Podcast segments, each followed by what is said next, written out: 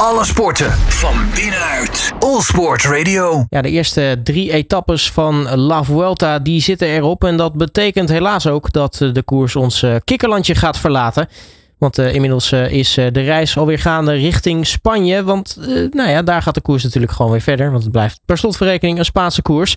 Ja, wat is er eigenlijk allemaal gebeurd tijdens deze Nederlandse etappes? En wat mogen we nu gaan verwachten van de koers weer terug in eigen land? Nou ja, ik ga erop terugblikken natuurlijk en op vooruitblikken met uh, wielerjournalist Roderick de Munnik van Bright Magazine. Roderick, hele goede middag. Hey, goedemiddag. Um, ja, het waren natuurlijk drie prachtige wielerdagen in, in Nederland. Met, nou ja, als je de televisieuitzendingen een beetje gevolgd hebt of lijfelijk aanwezig bent geweest bij de koers, kan natuurlijk ook. Mensen toch echt rijen dik werkelijk waar langs de kant van de weg. Ja, dat is verbazing, nou ja, verbazingwekkend. Jullie hadden het verwacht en gehoopt. Uh, maar dat het ook echt uitkomt is, ja, dat is best wel, best wel mooi. Het was een groot feest. Ja, jij bent er zelf natuurlijk ook even bij geweest. Wat, wat is jou uh, het meest opgevallen? ja, ik ben er zeker bij geweest. Ja, ik ben uh, dit keer niet als journalist aanwezig geweest, maar gewoon als supporter. Ik heb mijn kinderen opgevoed en, uh, en met het wielen, wielrennen laten kennismaken. en wat mij het meest opgevallen is, is dat de Vuelta in Nederland gewoon door iedereen is omarmd.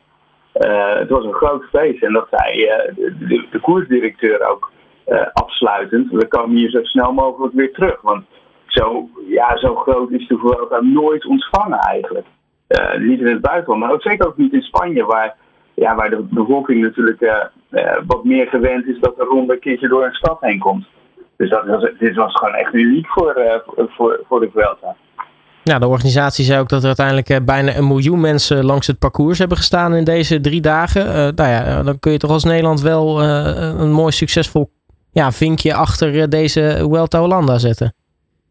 Ja, dat, dat kun je zeker. En als je dat natuurlijk over de hele lijn bekijkt, alle drie de grote rondes zijn dit jaar in het buitenland gestart. En met name die in Denemarken en Nederland hebben wel laten zien dat dat wel de, de, de, ideale manier is om publiek uh, te krijgen. En ook om het wielrennen wereldwijd te promoten. Dus uh, ik denk dat hier wel een vervolg gaat komen. Ja, zeker. En ook in Utrecht is die ambitie er, er zeker om door te pakken en meteen weer een nieuwe grote koers binnen de stad te halen. Dus ja, dit, dit smaakt naar meer aan alle kanten, ja. Ja, het was sowieso voor Nederland ook wel een, een succesvolle drie dagen. Hè? Met natuurlijk meerdere dagen in het, in het rood. nou ja, de, de, rode trui is nu weliswaar bij een Italiaan, maar wel bij een Nederlandse ploeg. kortom, dat feest kon eigenlijk ook niet stuk. Nee, en het, het, mooie is natuurlijk in de, in de, in de, zijlijn van het wielrennen, in, in de zijlijn van de koers werden ook weer kleine succesjes gevierd. Hè? En, Julius van den Berg deed een uh, makkelijk kortje. Zijn, ploeg, uh, zijn ploeggenoot die in de Tour de France het bolletjestruit pakte en razend populair werd in, in Denemarken. En eigenlijk in de hele wereld wel, in de hele wielerwereld. die Julius van den Berg die pakte de bergtrui. hoe toepasselijk. Een sprint op de Amerongse berg, die overigens, waarvan niemand wist waar nou precies de top was, zo leek het. Maar die pakte die en hij rijdt nu twee dagen, heeft hij in, in de, de bolletjestrui gereden. Ja, dat is, uh, dat is sowieso lekker. Dus we hebben inderdaad ook de bolletrui nog. Uh, uh, nou ja, Jumbo-Visma won natuurlijk de tijdrit in, op de vrijdag. De ploegentijdrit. wat daar natuurlijk mooi aan was, ja. was het feit dat nou ja, ze toch, toen ze wisten van nou, de overwinning is wel zeker, dat ze Robert Geesink als eerste over de streep lieten. Ja, zeker. Dat was natuurlijk ook heel, heel, heel erg verdiend. de, renners als Geesink staan ja, staan behoorlijk onder druk in de, in de ploeg. Er worden steeds nieuwe, goede uh, renners binnengehaald die uh, meegaan naar de Tour de France bijvoorbeeld en daar de A-keuze in zijn. En uh, zoals Richard Plugge, de baas van Jumbo-Visma ook zei, de, de, het net voetballen. De selectie, de breedte van de selectie bepaalt hoe goed we zijn. Dus de bankspelers die bepalen hoe, hoe goed het eerste elftal gaat spelen. En dat geldt voor wielrennen inmiddels ook. Uh, dat betekende dat Robert Geesink en Mike Teunissen de selectie van de Tour de France niet hebben gehaald. Um, en ook geen, in het geval van Mike Teunissen, die heeft ook geen zekerheid over of hij volgend jaar de Ronde van Vlaanderen kan rijden. Die heeft er ook voor gekozen om naar een ander team te gaan. En Geesink heeft zeer, serieus getwijfeld of hij nog wel door wilde met wielrennen. En dan is dit een, uh, een prachtige beloning voor die twee renners natuurlijk, een dag in het, uh, in het rood rijden. Ja, want daarna inderdaad Mike Teunissen in het rood. die gaf de trui, om maar zo te zeggen, dan weer door aan, aan van, van Jumbo-Visma. hoe lekker is het trouwens voor Jumbo-Visma om nou ja, niet gelijk de favoriet dan van de ploeg, maar in ieder geval wel de leiderstrui al gewoon vanaf dag 1 te hebben? Nou ja, ik denk dat het voor de, voor de ploeg zeker heel belangrijk is, omdat het in Nederland plaatsvindt. Dat, dat zag je ook bij het grote publiek. Uh, Jumbo-Visma is populairder dan ooit tevoren en wordt echt omarmd als een Nederlandse ploeg. Uh, en dan is het voor het wielrennen in Nederland en voor het publiek is het natuurlijk een, een gouden zaak dat, dat twee Nederlandse wielrenners in het rood door het land heen rijden.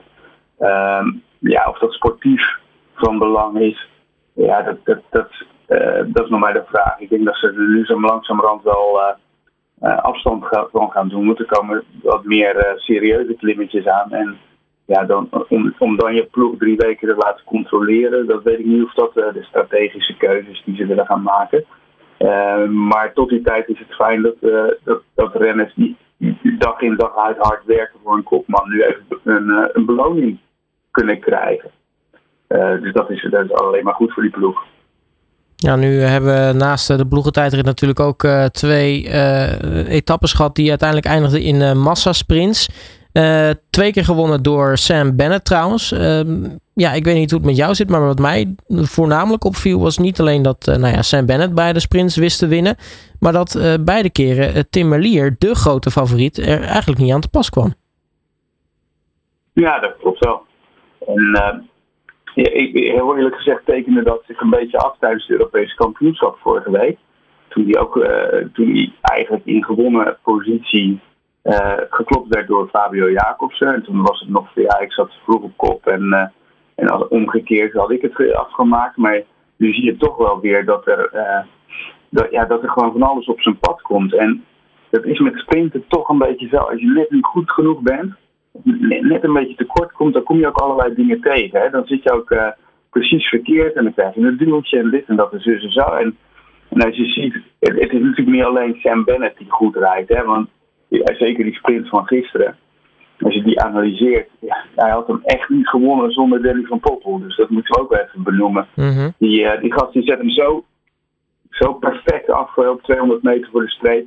Dat hij het echt eh, alleen nog maar af te maken. En dan wil ik het niet simpeler maken dan het is, maar het is wel uh, volledig op het konto van Danny van Poppel te schrijven dat hij daar wint. Ja, want uh, daarnaast hebben we natuurlijk ook uh, Mas Pedersen die ontzettend sterk is. We zagen Brian Kokar heel goed bij zitten. dus wat dat betreft, er is, er is wel stevige concurrentie. maar goed, terugkomend op, op Timmerlier. Ja, nou, de, de, eerste dag op de zaterdag nou ja, zat hij eigenlijk niet, niet echt lekker. Hè? zijn ploeg was ook al eigenlijk ja, hij had geen lead-out, laten we het zo zeggen. En ja, zondag dat dan dus een voet uit het pedaal schiet, is natuurlijk ook wel, ja, dat zijn misschien dan van die typische dingen. Als je dan niet in vorm bent, dat, dat je het uitgerekend dan overkomt. Ja, nou ja, precies dat is het. Het is een soort van karma dat dan over je heen komt. En dan, gebeurt, en dan gaat van alles fout. En, en als je eenmaal aan de winnende kant van de streep staat, dan, dan gaat alles goed en dan valt alles jouw kant op. Um, dat zijn van die onverklaarbare dingen, dus die, heb, die verklaring heb ik ook niet. En ja, maar dat is wel wat er gebeurd is de afgelopen twee dagen. En, uh, en dat is natuurlijk verdomd lullig voor zo'n uh, voor zo'n renner, maar vooral voor die ploeg.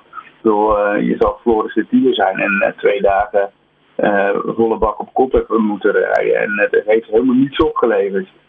Nou, dan is het toch even ademhalen voordat je die bus instapt. En, en, en je, rug recht en kijkt naar de volgende kans. Nou ja, dat duurt nog wel eventjes. Dus je moet in zo'n ronde dan ook weer enorme bak geduld hebben. Want het is nog tien dagen wachten voordat je weer aan de slag kan.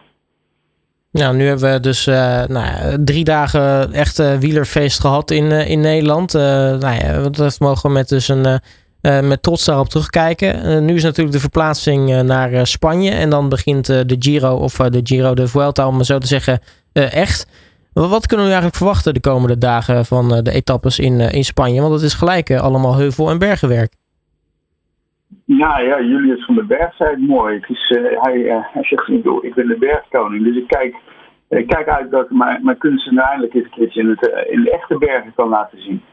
dat is een grapje natuurlijk, want Julius van den Berg komt, die komt geen heuvel op, zou ik maar zeggen. maar dat is wel wat er gebeurt. Het is, kennen het allemaal van de Ronde van Baskeland. En dat terrein is een beetje vergelijkbaar met, ja, met de Ardennen. Ehm, in eerste instantie. Dus klimmetjes van pakweg drie kilometer. Maar o zo venijnig. En ja, dat, dat, dat, dat ik, kijk naar de rit van morgen en dat is al meteen zo'n zo'n zo'n rit waar het op en af gaat. En aan het einde van de, van de rit uh, komt nog zo'n klein pukkeltje waar, ja, die eigenlijk op het lijf geschreven lijkt voor iemand als Julian Alaphilippe. Dus dat is eigenlijk ook meteen de, de, de, de verwachte winnaar van, uh, van de rit van woensdag. Uh, ja, dus ik, ik ben benieuwd. ben benieuwd. Ja, kortom, eh, de komende dagen is het dan, uh, nou, in ieder geval de komende twee etappes misschien toch meer voor de aanvallers. En daarna dat uh, de klassementsmannen misschien wat meer in de, de, de, melk te brokkelen hebben? Ja. ja, waar ik zei woensdag bedoel ik natuurlijk dinsdag, want het is maandag vandaag. maar dat is inderdaad wat er gebeurt. Het is nu, daarom zei ik ook net van het is waarschijnlijk dat Jumbo-Visma de trui gaat weggeven aan een van die vluchters. want het is op en af, maar net niet lastig genoeg om om voor de klassementsrenners om, om kansen te gaan pakken. Dus dat is uh, ja, wat uh, Julian Alaphilippe, dat soort mannen, die ga je de komende dagen zeker zien. Nou, de komende dagen kun je in ieder geval voldoende voor de televisie zitten en genieten van het prachtige Spaanse landschap. tot slot, Roderick, toch nog even de vraag: wel, welk cijfer geef jij nou ja, de, de eerste drie etappes van, van La Vuelta? Of laat ik het zo zeggen, welk cijfer geef je La Vuelta Hollanda? Nou ja, kijk, ik wil dat delen. Uh, sportief gezien was het een, uh, een, een, een, mager zesje. Maar voor, voor het gevoel en, en, en, en plezier en het publiek en al dat soort dingen een dikke 9,5. Nou, daar, daar, daar, kan ik me, daar kan ik me wel in vinden. Uh, Roderick de Munnik, mag ik je hartelijk danken voor, uh, voor je tijd. En uh, spreek je natuurlijk snel weer. En veel, veel kijkplezier. Dankjewel, graag gedaan. Alle sporten van binnenuit. All Sport Radio.